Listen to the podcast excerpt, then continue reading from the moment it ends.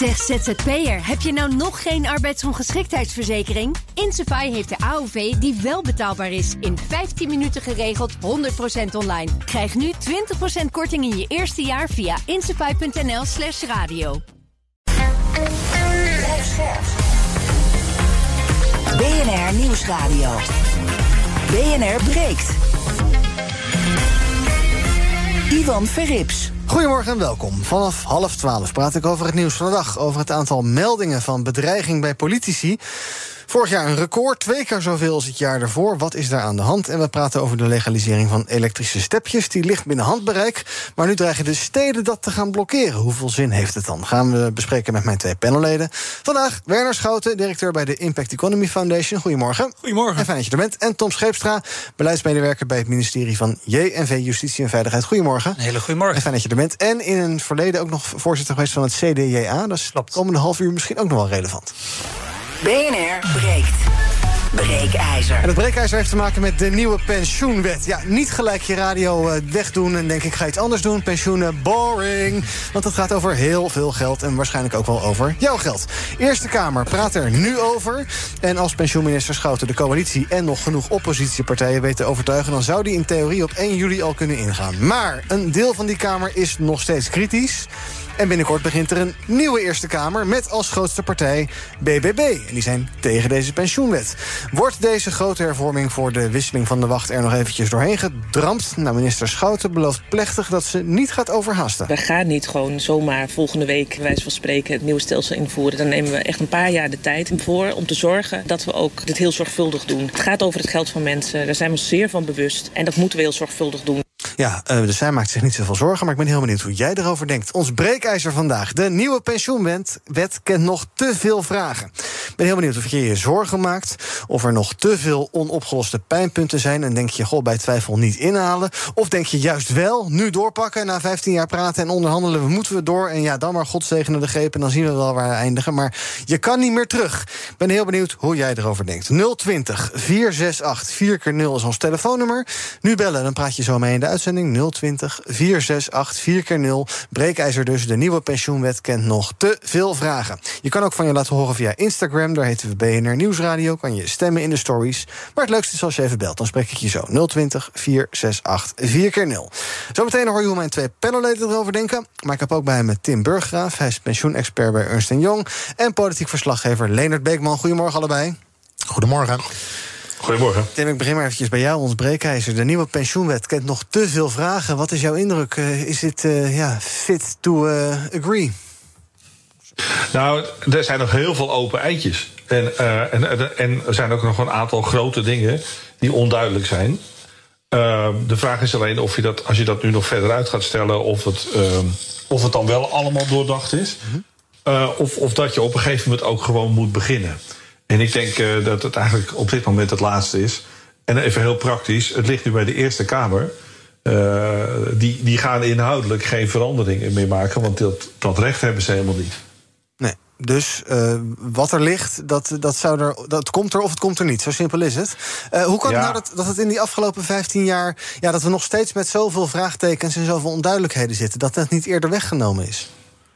Nou, eigenlijk, uh, kijk, er is wel 15 jaar gesproken. Uh, of het nou 10 of 15 jaar, is heel lang gesproken. Hm. Alleen um, in, die, in die, met name de tweede helft van dat, die spreektijd, is er gewoon iets heel belangrijks gebeurd. Namelijk die rente is enorm gaan, gaan dalen. En dat heeft tot uh, forse financiële problemen voor pensioenfondsen geleid. Ja, toen kwam de ketel gewoon heel erg onder druk te staan. Dus als je nou kijkt hoe lang is er nou echt gesproken dan is het van die hele lange periode misschien maar een paar jaar waarin echt over de huidige wet gesproken is. En, um, en toen is het uiteindelijk nog wel redelijk snel gegaan. Uh, en vervolgens heeft de Tweede Kamer er bijna drie jaar over gedaan. Uh -huh. En is ook de Eerste Kamer nu al ruim een half jaar bezig. Ja, dus allemaal vind ik het eigenlijk best nog wel meevallen voor de verandering die hier op tafel ligt. Oké, okay. Tim, ik wil zo meteen met je praten over wat dan de. Ja, we gaan niet alles uh, helemaal uit uh, weten te vinden in deze komende 20 minuten. Waar nou de, de, de, grootste, de, de grootste problemen liggen, technisch en dergelijke. Maar laten we zo even door de grootste bezwaren heen lopen. eerst eventjes naar Leendert. Eerste Kamer vandaag dus. Ik zie nou, de liveblogs en dergelijke op gang. Wat is jouw indruk? Ja, gaat, het, gaat het er komen? Ja, mijn indruk is dat er wel gaat komen. Maar dan is het altijd eventjes schokken. In de Tweede Kamer heeft een ruime meerderheid gekregen... van VVD, D66, CDA, ChristenUnie, Partij van de Arbeid, GroenLinks...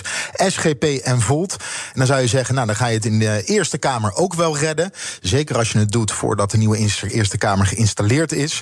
Maar dan hebben we dit weekend ook gezien... dat het Wetenschappelijk Instituut van het CDA... het een grote ramp noemt. Een gok voor de toekomst. Zij zeggen, ja, uh, we zijn bang dat er te veel financiële onzekerheden zijn voor de burgers. Ze vergelijken het bijvoorbeeld met het leenstelsel voor studenten of de invoering van de kinderopvangtoeslag. Nou, dat is allebei ook geen succes geworden.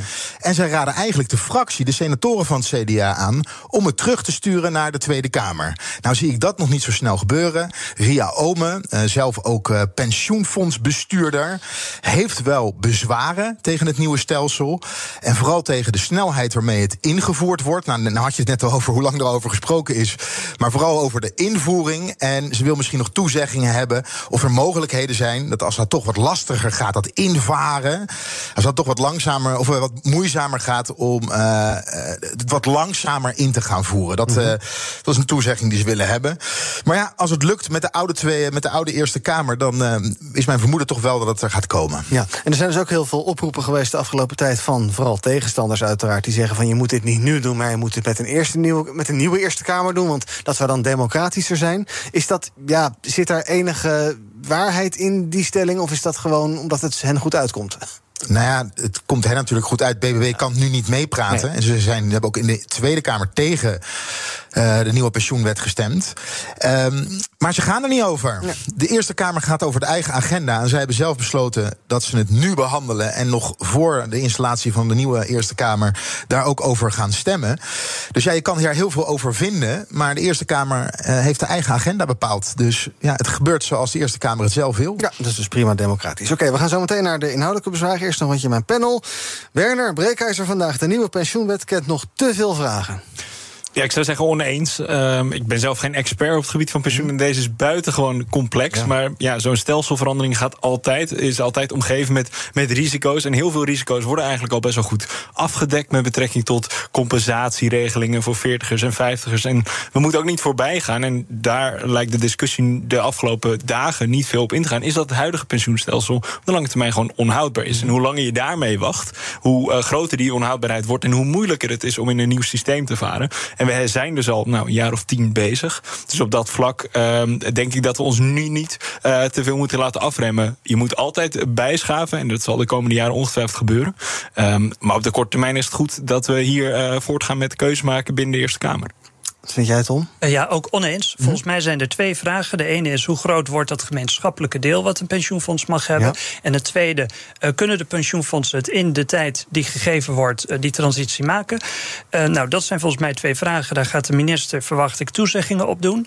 Um, maar dan kan het gewoon doorgevoerd worden. En dan vind ik de wat holle woorden van het Wetenschappelijk Instituut van het CDA en ook wel drogredeneringen. Zo van, nou, we kunnen niet meer grote stelselwijzigingen doen, want mm dat heeft, is in het verleden allemaal misgegaan. Um, ja, dan, hè, dan is het land op slot. Ja. Uh, ook voor de toekomst. Dus die redeneringen en die woorden, ik vind het een beetje onzinnig. Die, die, vergelijking, die vergelijking met leenstelsel gaat natuurlijk volledig mank. Ik bedoel, ja. het is niet zo dat het leenstelsel niet werkte. Het was meer dat er een andere politieke koers werd gevaren met het leenstelsel. En ja. dat daar andere politieke keuze. Maar het was niet zo dat het, het stelsel zelf niet uh, werkte. Is er wel een generatie die tientallen, tienduizenden euro's een schuld heeft en alle gevolgen van dien. Dus, nee, dus, dus we zijn inderdaad anders gaan nadenken over de gevolgen ervan. Maar het leenstelsel zelf werkte in principe behoren. En het waren politieke keuzes. Ja. Ja. Tim, eventjes kijken naar de inhoudelijke bezwaren. Wat ik zei, zonder dat we alle details afgaan. Als je nou een top drie of vier moet geven van uh, inhoudelijke kwesties die nog spelen, die eigenlijk onduidelijk zijn, waar zou je dan op uitkomen?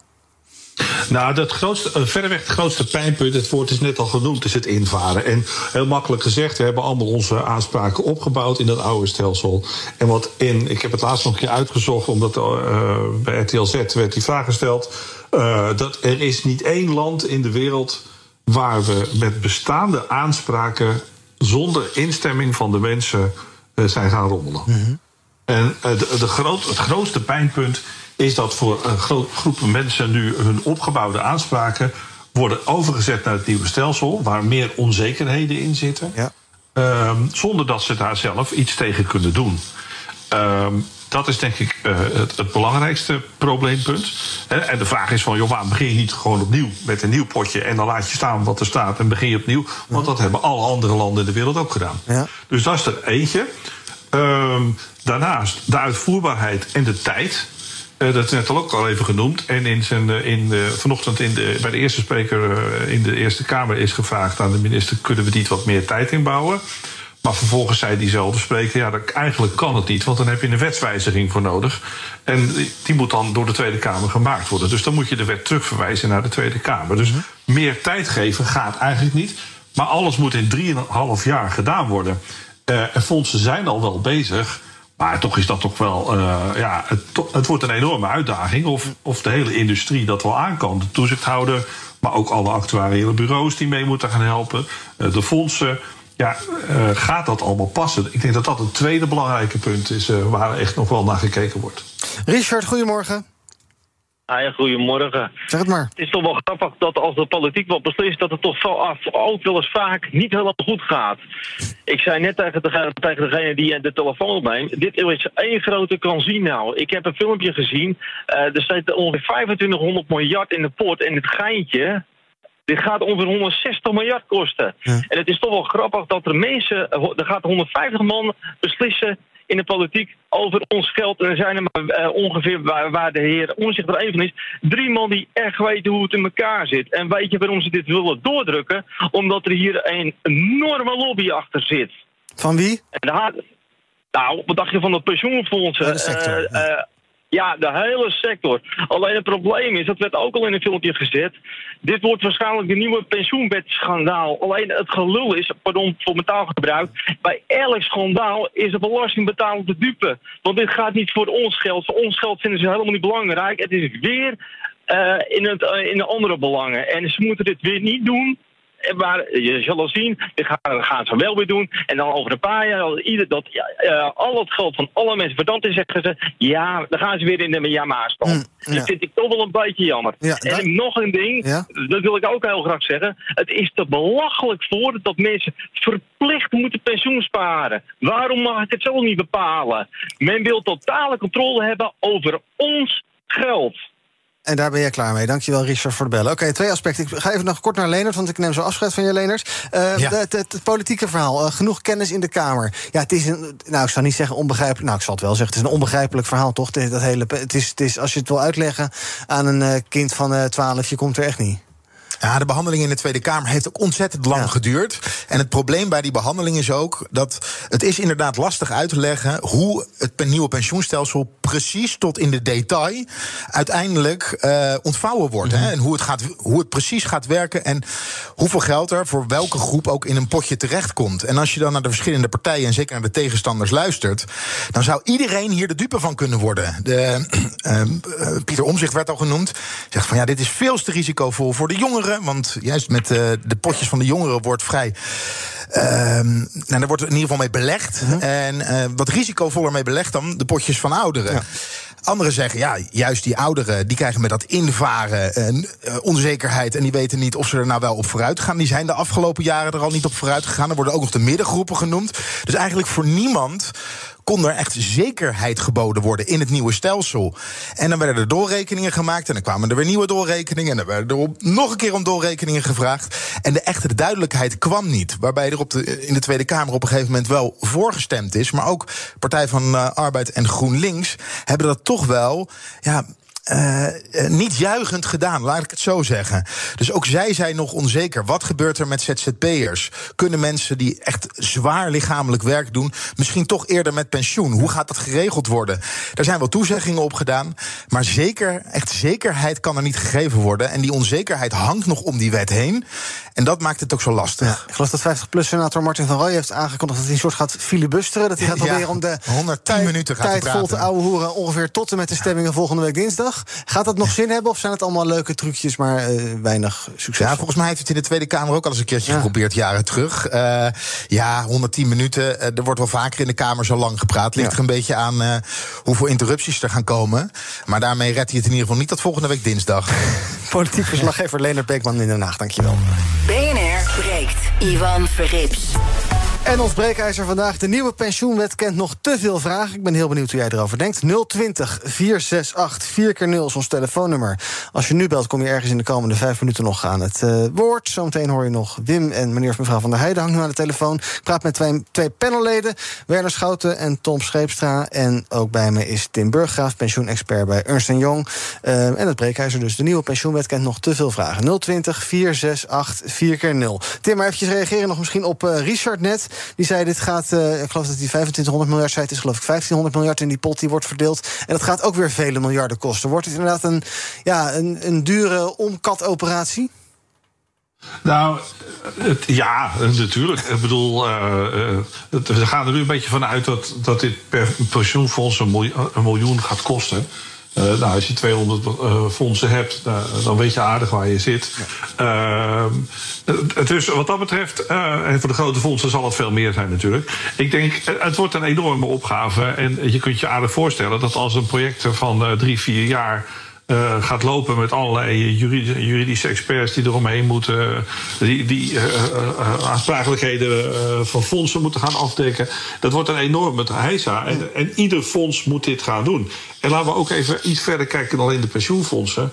Want ehm, we hebben ook een hele grote groep werkgevers die niet bij een pensioenfonds zitten. En die moeten ook allemaal hun pensioenregeling aanpassen. En dat wordt wel eens vergeten, maar dat is ook een hele grote groep. Ja.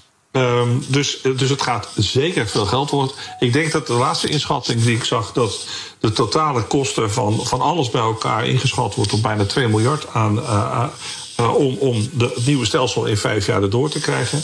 En wat betreft de hoogte van het vermogen, ja, uh, dat gaat hard omlaag. Toen de pensioenwet uh, begon uh, in de Kamer over gesproken te worden, toen was er 8, 8, 1900 miljard. Nu staat er nog 1400 miljard. En komt omdat de aandelenbeurs heel hard gedaald is. Ja. Um, Tom, jij zei net al van, ik ben niet zo eens met het wetenschappelijk beeld van het CDA. Wat is daar, nee. wat is daar nou, ik zou bijna zeggen, misgegaan? Of is dat een soort kat in het nauw waar, waar rare sprongen gemaakt worden? Of? Nou ja, dat idee krijg ik wel. Kijk, ik ken het WI als. Uh, he, ze schrijven ontzettend goede stukken en ze hebben ontzettend veel kennis over bepaalde onderwerpen.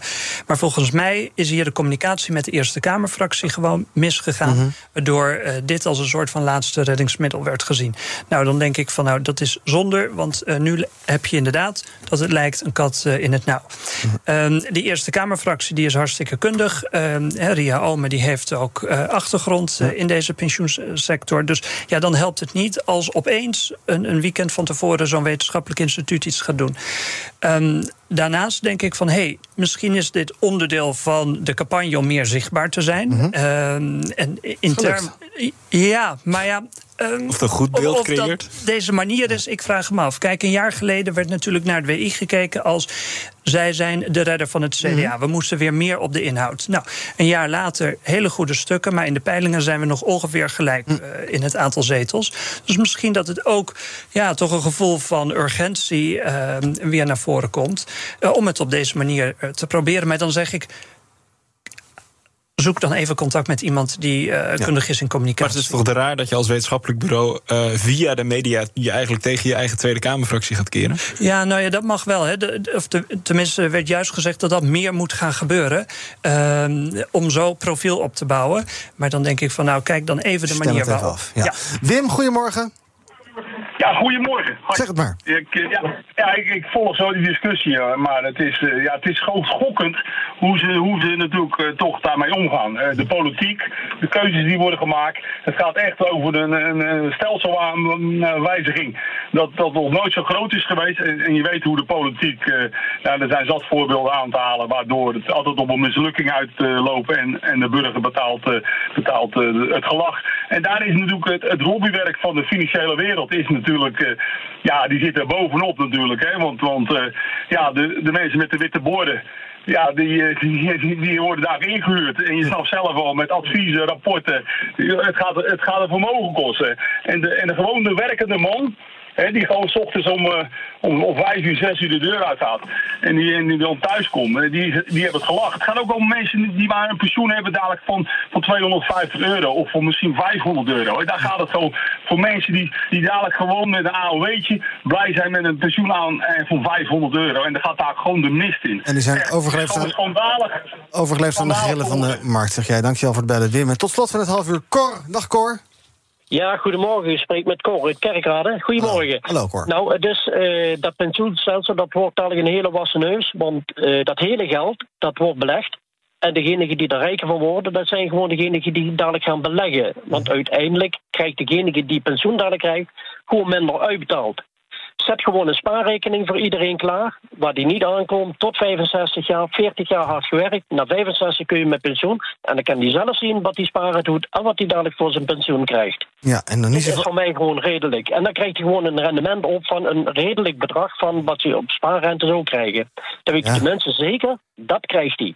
Duidelijk, Cor, dankjewel voor het bellen. Was het afgelopen jaar toen niet zoveel, die spaarrente? Maar... Nee, er is wel zo'n berekening gemaakt dat pensioenfondsen ervoor zorgen dat eh, jij nu één dag per week werkt voor je pensioen. Maar als je het op een spaarrekening zou zetten, zou je eigenlijk drie dagen per week moeten werken voor je pensioen om hetzelfde bedrag uh, over te houden aan het eind van je carrière. Ik uh, sluit af met uh, Tim. Uh, wat we net allemaal gehoord hebben. Luisteraars en ook op onze Instagram-pagina is 90% het eens met onze stelling. Ehm, de nieuwe pensioenwet kent nog te veel vragen. Ja, die zien het toch een beetje als een soort godzegenende greepverhaal. En ja, heel erg afhankelijk van hoe de aandelenbeurzen gaan handelen. En dan kan het zijn dat je met veel geld eindigt of met, met weinig. En dan de risico's zijn veel groter dan in het verleden. Is dat een terechte zorg? Ik denk het wel, hè? Ja, die zorg is zeker terecht. En het enige wat ik erop kan zeggen is... we hebben nu in Nederland al 1,4 miljoen mensen die zo'n regeling hebben. En als je kijkt naar hoe dat dan de afgelopen tien jaar... met toch behoorlijk beroerde jaren uh, gegaan is... Uh, dan, dan uh, terugkijkend heb je niks aan naar de toekomst. Maar terugkijkend is dat eigenlijk voor deze groep best goed afgelopen. Uh, maar wat ik wel nog een belangrijk punt vind, dat hoorde ik eigenlijk een aantal bellers zeggen. Dat is dat, dat, de, dat de beleving is dat de politiek dit bepaald heeft. Mm -hmm. En dat is denk ik niet zo. Um, er is een pensioenakkoord gesloten. Dat zijn de sociale partners geweest, dus de vakbonden en de werkgevers. En daar zijn ook de pensioenfondsen bij betrokken geweest, maar ook de ministeries. En daar is dit besluit genomen. En vervolgens is het in de, in de Kamers natuurlijk wel een wetgeving omgezet. Maar eigenlijk is er een wetgeving omgezet wat besloten is door de vakbonden en de werkgevers. Dat is wel een hele belangrijke nuancering. Ja, duidelijk. Dankjewel Tim Burggraaf, pensioenexpert bij Ernst Young. Fijn dat je bij ons was. Nog even weddenschapje. Hoeveel minuten gaat Martin van Rooyen praten? Haalt hij de 120? Mm, Wat was het, 110? 110, hij gaat hij wel volmaken. Met interrupties ja? 210. Oké. Okay. Wil je nog inzetten of niet, Werner? Ga ik erboven zitten. Oké, okay, 2,11. Nou, ik heb het genoteerd. Um, Instagram dus. 90% is het eens met onze stelling. De nieuwe pensioenwet kent nog te veel vragen. Daar kan je nog de hele dag reageren. En zometeen na half twaalf ga ik verder praten over het uh, andere nieuws van de dag. Over de huizenprijzen. Die zijn opnieuw gedaald ten opzichte van vorig jaar. Nou, best wel aardig. Is dat dan uh, uh, goed nieuws voor huizenkopers of slecht nieuws voor huizenbezitters? Of allebei? En in het buitenland zijn ze al populair. Je struikelt er bijna over. Elektrische deelstepjes. Krijgen wij die zometeen ook in onze steden? Uh, wel als het aan Den Haag ligt, politiek Den Haag, maar niet als het aan de steden zelf ligt. Gaan we zo over praten in het tweede deel van BNR Breek. Tot zo. Zeg ZZP'er, heb je nou nog geen arbeidsongeschiktheidsverzekering? Insafai heeft de AOV die wel betaalbaar is. In 15 minuten geregeld, 100% online. Krijg nu 20% korting in je eerste jaar via insafai.nl slash radio. Een berichtje van Odido Business. Hoe groot je bedrijf ook is of wordt, bij Odido Business zijn we er voor je. Met unlimited data en bellen en met supersnel en stabiel zakelijk internet. Ook via glasvezel. Ontdek wat er allemaal kan op odido.nl/slash business. Het kan ook zo.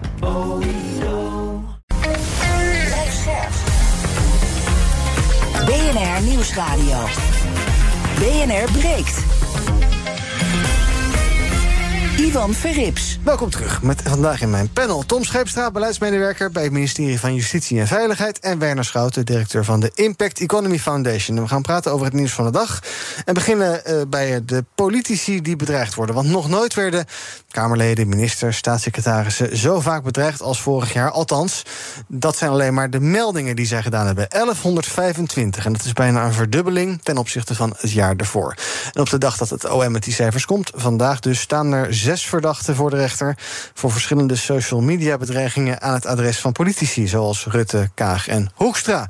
Ja, dan is de vraag een beetje: uh, dit is waarschijnlijk maar het topje van de ijsberg, want dit zijn dermatige ernstige meldingen dat er dus melding van gedaan is. Um, heb je zelf ooit nare ervaringen gehad, Tom? Mm, nee, ja, wat nare opmerkingen op Twitter, maar niet echt bedreigbaar-achtige dingen. Uh, ja, wat kan je hier nou tegen beginnen? Het is wel even goed om te zeggen... de helft van die meldingen heeft te maken met bedreigingen... aan het adres van Geert Wilders. En er komen dan heel veel, ook vanuit het buitenland... vanuit Pakistan vooral. Ja, daar kan je niet zoveel mee, denk ik. Ja, dat is het ingewikkelde. Omdat we daar uh, ja, geen verdragen mee hebben... kunnen ze eigenlijk ja, hun gang gaan. En je weet niet hoe serieus het is. Hè, of ze ook handlangers hebben in Nederland... die toch indirect uh, ja, geweld kunnen eh, plegen tegen Wilders. Ja, ik denk ook een beetje... wat, wat, wat zorgt er nou voor dat dat zoveel woede opwekt nog steeds Wilders? Is in Pakistan wel joh, laat die vent lekker, zou ik denken. Maar dat denken ze daar toch heel anders over, blijkbaar. Ja, nou ja, je, je ziet dat uh, de globalisering en alles, hè, ook via het internet en, en berichten, dat dat steeds uh, makkelijker de wereld rondgaat. En als je ook vergelijkt, vanaf 2015 is het aantal meldingen en bedreigingen keer vijf gegaan. Dus dat groeit ontzettend. Ik denk dat het dan ook goed is, een motie van uh, Wilders en Helder vorig jaar, om meer geld voor dat team bedreigde politici te geven van de eenheid Den Haag. Ik denk dat het hartstikke nodig is. ja, misschien krijg je dan ook wel dat als er meer mensen zijn om de klachten in behandeling te nemen, en dat dat dan wat gaat stijgen. Mm. Uh, maar ik denk dat we allemaal wel herkennen dat ook in Nederland de polarisatie en het ja, toch wat extremer worden van geweld en meningen, dat dat na corona ja, erg is gebleven mm. met de stikstofcrisis.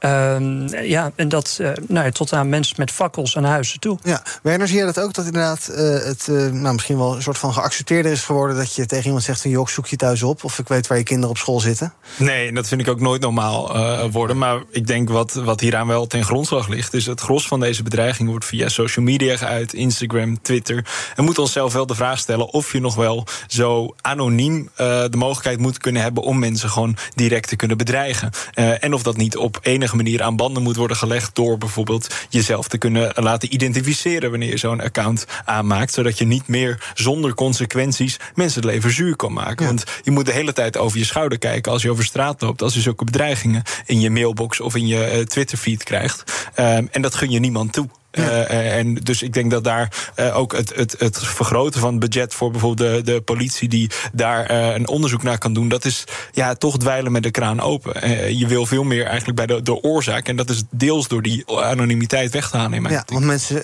dan gaan alle remmen los blijkbaar. Je naam staat er niet bij. En dus zeg je alles wat mooi en kwaad is, schrijf je op zonder dat je daar. Ja, terwijl mensen zouden het met hun eigen naam waarschijnlijk nooit zeggen. Als nee, het interessante is, er zijn wel eens mensen als Albert Stegeman die dan volgens mij die bedreigers dan gaat opzoeken. Dat zijn hele normale huisvaders die dan in, in volle hevigheid iets hebben getweet. Uh, maar wel met ongelooflijk vergaande gevolgen. Um, en ik vind dat je dat niet zonder consequenties moet kunnen doen. Als je dat op straat zou doen, dan uh, kan je makkelijker bijvoorbeeld worden aangehouden. Op de online straat zou dat eigenlijk ook niet zo makkelijk moeten zijn. Ja. En, en nou lees ik wel dat bedrijven zoals Twitter de laatste tijd wel makkelijker meewerken. Ik denk dat dat een positieve ontwikkeling is. Hoewel ja, lastig is weer dat je met privacy van mensen zit. En het tweede is. Uh, nou ja, geef ook het goede voorbeeld. En als ik naar de Tweede Kamer kijk, dan zie ik wel dat de voorzitter wat strenger wordt mm -hmm. op wat kan wel door de beugel en wat kan niet. Ook bij de Kamerleden? Ja, ook bij de Kamerleden. En ik denk dat dat, uh, nou ja, beter laat dan niet is. Uh, omdat mensen die kijken natuurlijk naar die Kamer en die zien hele verhitte debatten. En die zien bijna Kamerleden die ook, ook schreeuwen en schelden tegen ministers. Mm. Ja, dan ga je natuurlijk als, als kijker, word je dan ook uh, woedend en boos. En denk je dat dat normaal is. Ja. Dus ik denk dat dat ook een uh, goede ontwikkeling is. Ja beter begin, of, ja, begint ook bij jezelf. Ja. Als we dan kijken naar wat er uiteindelijk bij de rechter terechtkomt... 37 verdachten bij de strafrechter. Daar komen dan wat uh, taakstraffen uit vooral. Je noemde al even de fakkelmeneer die bij Kaag voor de deur stond. Die krijgt dan een celstraf tot vijf maanden. Is dat afdoende of moet, het, moet je veel meer afschrikken hierin? Um, maak vooral bekend, lijkt mij, dat er uh, straffen opstaan. En dat dus ook uh, deze meneer met de fakkel uh, ja, in hechtenis wordt genomen. dat als je dus iets wat kwalijk is online zet, dat er wel degelijk onderzoek naar wordt gedaan. En dat je niet zomaar overal mee weg kan komen. Ik hm. denk dat die waarschuwing dat die nog wel wat krachtiger mag worden gebracht. Ja, eens. Ik denk als je kijkt naar de, de, de verhouding met andere staffen, moet het natuurlijk wel proportioneel blijven. Maar ja, op termijn ga je er uh, niet voor uit de weg dat je daar scherper in moet zijn. En dat je dus sneller bijvoorbeeld uh, celstraffen gaat eisen. Ja. En nog even een reactie op uh, wat Tom net zei over de Kamerleden zelf, die politici zelf. Zijn die mede aanjager van dit vuurtje? Totaal. Ik denk, dat, ik denk dat het uh, dat normaliseert bepaalde omgangsvormen. En dat zie je ook bij bepaalde omroepen uh, die nieuw zijn gekomen in de bestel, zoals Ongehoord Nederland, waar uh, gewoon feitenvrije verdenkingen kunnen worden geuit, waarbij we feitenvrij met, met tribunalen kunnen dreigen. Dat is natuurlijk bijzonder, bizar eigenlijk dat de, de Kamervoorzitter dat heel lang heeft toegestaan. En uh, dat inspireert natuurlijk om ja, dat ook te normaliseren op zaken als Twitter, waar dat nog veel heviger kan worden. Ander nieuws van vandaag dan. De huizenprijzen zijn opnieuw gedaald. Gemiddeld betaalde kopers vorige maand ruim 4 ton voor een woning. Dat is 4,4% minder dan een jaar geleden, blijkt uit cijfers van het CBS en het Kadaster. Paul de Vries is woningmarkteconoom bij het Kadaster en die noemt het een opmerkelijke trend, omdat die zo lang aanhoudt. Toen, een jaar terug, zeiden we nog: dit zijn de grootste stijgingen die we ooit gemeten hebben. Sinds 1995. En een jaar later zitten we dan in een behoorlijke daling van 4,4 procent. En ook als je het bekijkt ten opzichte van een maand terug, is het ook wel bijzonder dat we al zoveel maanden achter elkaar een minnetje scoren. Een minnetje betekent dus een prijsdaling. En dat komt ook niet heel vaak voor in de geschiedenis. Nee, en dat zorgt dus voor meer ruimte op de markt voor starters. Eigenlijk uh, zie je dat ook het aantal woningverkopen daalt. Hè? Ja. Maar de starters niet. De starters uh, winnen terrein, zoals we dat zeggen. Eigenlijk zie je dat zij dus niet minder zijn gaan kopen, zelfs meer zijn gaan kopen op dit hm. moment. Zegt Paul de Vries, woningmarkt-econoom bij het kadaster. Ja, als je een woningbezitter bent, is het misschien niet zo leuk. Als je woningzoekende bent, dan wordt het misschien toch een keer wel interessant om een keer een huis te gaan kopen. Nou, vier ton heb ik nog niet. Nee. Dus ik denk dat, je, uh, denk dat we het nog steeds hebben over een hele specifieke, uh -huh. smalle groep van starters die daadwerkelijk een, een, woning kan kopen op dit moment. En dat het gros nog steeds is aangewezen op gewoon huurwoningen, uh, die ook moeilijk te vinden zijn. Ja, zeker met de huidige rente. Als je een hypotheek wil, ja. Ja, ben ik het helemaal mee eens. Gelukkig dat het een beetje daalt. En ik wil het wel in perspectief plaatsen. Want volgens mij twee jaar geleden was het nog 20% stijging. Ja, ja, dus dan ja, ja. ja, ben ik niet zo verrast dat het nu maar 5% daalt. Nee. En ook wel goed dat dat misschien een beetje afkoelt en normaliseert. Want ooit wil je toch wel het liefst een keer een huis eh, gaan kopen als het even kan. Misschien. Ja, dus nou ja, een paar procent eraf uh, zou ik wel voor tekenen. Ja, maar stemt het je enigszins optimistisch, dit soort ontwikkelingen, of niet per se? Um, ja, nou ja, kijk, hangt af van de, van de lange termijn. Kijk, dit helpt wel. Uh, wat gaat de hypotheekrente doen? Uh, bepaalde uh, lonen, hè, gaan die toch nog omhoog vanwege de inflatie? Ja, dat zijn verschillende factoren. Als ik dan kijk, nou, deze factor, die is gunstig voor jongeren. Dan gaan we kijken naar wat jullie is opgevallen in het nieuws. Werner, ik wil bij jou beginnen. Um, RVC's worden steeds groener, lezen we in het FD. En dat heeft te maken met nieuwe EU-regels. Is dat goed nieuws? Ja, ja, je kan wel zeggen dat de, functieomschrijving van commissarissen aan verandering onderhevig is. Volgens mij uh, afgelopen jaar in 2022 was een kwart van de commissarissen die was aangesteld bij beursgenoteerde bedrijven had duurzaamheid in het profiel. En dat is belangrijk. Allereerst natuurlijk vanwege de voortrazende klimaatcrisis en biodiversiteitsafbraak. Wat we nu ook in Italië zien uh, met de gigantische overstromingen. We voelen het steeds meer aan de lijve. En aan de andere kant omdat er steeds meer Europese regelgeving is. En dan, die zorgt ervoor, die Europese regelgeving, dat duurzaamheid niet langer voor de bühne is of een vernislaagje is bovenop het verdienmodel, maar echt geïntegreerd moet worden in de kern van elk besluit. En dan is het goed dat commissarissen steeds meer met duurzaamheid gaan doen, maar eigenlijk nog niet ver genoeg. Hè? Want als je echt wil dat duurzaamheid en impact in de kern van elk besluit komt, dan moet niet alleen de commissaris om, maar juist ook de CFO, de Chief Financial Officer, die binnen een bedrijf toch vaak de verdediger is van het verdienmodel, die, die je vinger in de pap heeft met strategie en, en, en met investeringsbeslissingen. Die moet juist ook op impact gaan sturen. Die moet eigenlijk niet een Chief Financial Officer, maar een Chief Value Officer worden, die op sociale, menselijke en natuurlijke waarden uh, gaat sturen. En gelukkig zijn er steeds meer CVO's die worden uh, aangesteld. Maar daar mag nog wel een tandje bij komen. Ja, ook, maar ook omdat het een gaat toch niet per se. Het is niet per se het tegenovergestelde van het ander. Het is niet zo van je kiest of voor die waarde of voor geld verdienen. Het kan toch allebei? Nou, vaak zie je dat, dat het bij elkaar kan komen, maar nog steeds zie je dat financiële waarde nog steeds de bottom line is binnen heel veel bedrijven. Uh, en dat gaat nog te vaak ten koste van duurzaamheid. Nog lang niet altijd kan je daar even goede rendementen op maken op het gebied van biodiversiteit. En zo'n CFO, zou daar veel meer uh, ja, prioriteit aan moeten geven. Ja. Daarom is het zo goed dat er bijvoorbeeld een, een Chief Value Officer van het jaar award wordt ge, gegeven naar de, partij, naar de CFO die meest impact gedreven is. Oh ja, dus dat is dan. Is de CVO dan niet, dat is niet een andere functie? Is nee, dat is gewoon een CFO, maar die dan echt impact gedreven is. Oké, en zitten daar veel uh, jonge types bij? Of zijn het ook allemaal mensen die bijscholen en die dat erbij gaan doen? Het is ontzettend belangrijk dat ook huidige CFO's dit gaan internaliseren. Maar juist ook jonge mensen hebben vaak dat duurzaamheid al hoog in het vaandel staan. Zeg ZZP'er, heb je nou nog geen arbeidsongeschiktheidsverzekering? Insafai heeft de AOV die wel betaalbaar is. In 15 minuten geregeld, 100% online. Krijg nu 20% korting in je eerste jaar via insafai.nl slash radio. Een berichtje van Odido Business. Hoe groot je bedrijf ook is of wordt, bij Odido Business zijn we er voor je. Met unlimited data en bellen en met supersnel en stabiel zakelijk internet. Ook via glasvezel. Ontdek wat er allemaal kan op odido.nl slash business. Het kan ook zo. Breekt. Met Thomas. En Tom, jij wilde het hebben over Moldavië. Er gaan dagen voorbij dat ik er niet aan denk aan het land. Uh, ten uh, zuiden van Oekraïne, geloof ik. Hè. Er wonen een paar miljoen mensen, 2,8 of zo. 2,8. Ja, maar 30 jaar geleden nog 4,4. Ja. Uh, ja, afgelopen, Wat is er aan de hand? Ja, afgelopen weekend was Oekraïne terecht weer heel veel in het nieuws.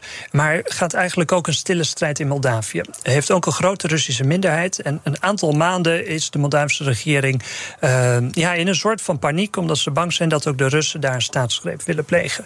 Nou, eindelijk wordt de Europese Unie iets geopolitieker. Uh, dus Nederland heeft daar vorige maand al een ambassade geopend. Uh, en afgelopen weekend was uh, president van, de, van het parlement, Roberta Metsola, ook aanwezig. 75.000 man, hele goede bijeenkomst. Um, dan gaan mensen misschien afvragen van ja, waarom moeten we dan denken aan Moldavië? Want nu kandidaat lid is van de EU, maar ja. is dat niet heel ver weg? Um, nou, dan heb je het toch al over die, uh, die inwoners. 4,4 30 jaar geleden, nu 2,8. Dat is een derde van het land dat eigenlijk al gevlucht is. Mm -hmm. En een derde van de bevolking heeft ook een ander paspoort. En dit keer niet Russisch, maar vaak Roemeens. Mm -hmm. En daarmee zijn ze uh, ja, hebben ze ook een EU-paspoort. Dus dan denk ik, dan is het wel degelijk relevant voor de Europese Unie dat we iets meer die blik. Uh, richting het oosten en dus naar Moldavië uh, gaan richten. Zodat we dat land stabiel houden. Uh, een eventuele Russische inval, of dat nou militair of politiek is, proberen te weerstaan. Mm -hmm. um, zodat we een tweede Oekraïne proberen te voorkomen. En hoe kunnen we het land even een walgelijke term, maar in zijn kracht zetten? Hoe, wat kan je doen om het land te steunen? Ja. Um, nou, het is denk ik goed diplomatiek. Dus dat je laat zien uh, van nou, het staat niet alleen. De ambassades die helpen al. Uh, kijk ook hoe je economie uh, kan versterken. Want dat is het. Heel veel mensen gaan daar weg omdat er gewoon geen economisch perspectief is. Mm -hmm. Wat je ziet is dat ook China op dit moment met heel veel investeringen in bijvoorbeeld de infrastructuur Moldavië voor zich probeert te winnen. Dus dan denk ik, Europa ga daar iets tegenover zetten. Al is het maar dat als een land valt, Europa nog meer geld uh, kwijt is. Ja. Um, en zorg dan ook voor onderwijs. Dus dat uh, mensen in Moldavië makkelijker onderwijs kunnen volgen in andere Europese landen, zodat je elkaar leert kennen en ook een beetje de cultuur en politieke waarden deelt. Ja. Hoofdstad van Moldavië, Werner? Moet ik uh, je schuldig blijven? Ja. Oh, help, die weet ik ook niet. Zijn ze Chisinau? Chisinau, zeg je, geloof ik? Ah, ja. Oh. Ja, nee, ja, ik had er wel eens van gehoord, maar heel lang geleden. En 75.000 mensen op zo'n bevolking is natuurlijk best veel. Die waren dus ja. pro-Europa aan het demonstreren. Ze stonden er met Europese en NAVO-vlaggen. Dan gaat NAVO-vlaggen misschien wat ver in mijn uh, ogen. Ja. Uh, maar ja, uh, 75.000 ontzettend ver, uh, of ontzettend veel. Ook uh, misschien wel bekend, Transnistrië. Hè? Mm -hmm. Dat is ook de regio in Moldavië uh, die ja semi-onafhankelijk is... en waar ook op dit moment Russische militairen zitten. En dat was het hele plan van de Russen.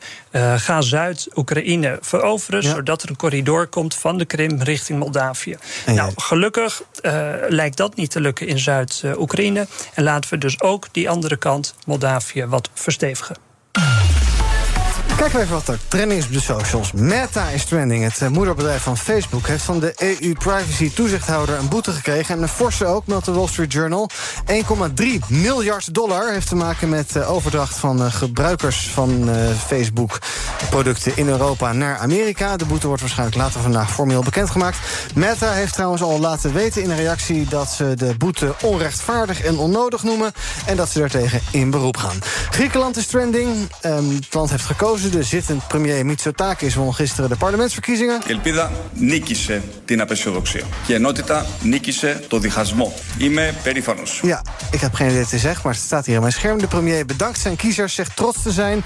Waarschijnlijk schrijft hij toch nieuwe verkiezingen uit. Want hij is nu de absolute meerderheid kwijt. En regeren in een coalitie wilde niet. En hij hoopt dus op die manier nog meer kiezers voor zich te winnen. Meneer Mitsotakis. De prijzen voor de hashtag vakantie schieten door het dak, meldt de Telegraaf. En dat is vooral schrikken en slikken voor wie nog moet boeken. Het advies is, ga buiten het hoogseizoen. Dat is altijd handig, maar ja, je zal maar kinderen hebben. Je betaalt momenteel de hoofdprijs voor ongeveer elke simpele vakantie die je wil. Tot slot Warner Bros. zien we in de trendinglijstjes. De topman van Warner Bros., David Zaslav... die is uh, uitgejoeld op een universiteit in Boston. Studenten en scriptschrijvers, die scandeerde hij... dat zij zijn schrijvers eindelijk eens fatsoenlijk moet gaan betalen. You're gonna have to figure out how to get along with everyone. And that includes difficult people. Ja, een beetje ongemakkelijk. Amerikaanse scriptschrijvers voor films en series... die staken sinds begin deze maand. En door die staking worden allerlei afleveringen van The Handmaid's Tale... en ook Game of Thrones spin-off waarschijnlijk vertraagd... komen late-night shows mogelijk stil te liggen. Maak jullie al zorgen om wat je in je schaarse vrije tijd moet doen... of is er nog genoeg te bekijken? Ik heb geen Netflix, dus ik maak me nergens zorgen. Heerlijk rustig. Nee, ik ook niet. Nou, dan is het voor jullie geen probleem. Tot slot moeten we het hebben over deelstepjes. Die zijn nu nog illegaal in ons land... maar vanaf 2025 mogen ze waarschijnlijk de weg op... Grote steden kijken nu echt al naar een uh, mogelijkheid van een lokaal verbod. Dat blijkt uit een rondvraag van BNR. Ja, die deelstepjes in uh, buitenlandse steden vind je ze overal. Tot in de kleinste gehuchten in Duitsland en Frankrijk en Spanje en Portugal en waar je wil. Ze zijn er overal van allerlei merken en soorten en maten. Kost niet zoveel. Je betaalt een eurotje om het ding te unlocken en dan een paar tientallen centen per minuut. En dan schiet je zo met 25 of 30 kilometer per uur van wijk A naar wijk B. best handig. Ja, maar we, we zijn een land met een fantastische fietsinfrastructuur. Daar, daar ja. kan je ook overal deelfietsen neerzetten... die je gewoon in van die rekken moet plaatsen om ze weer in te leveren. Die, die slingeren niet om. In, uh, uh, om. Ja. Um, en je ziet ook dat het superveel uh, overlast oplevert. Volgens mij in Parijs hebben de, de Parijzenaren tegen voor een verbod op die deelstepjes ook gestemd.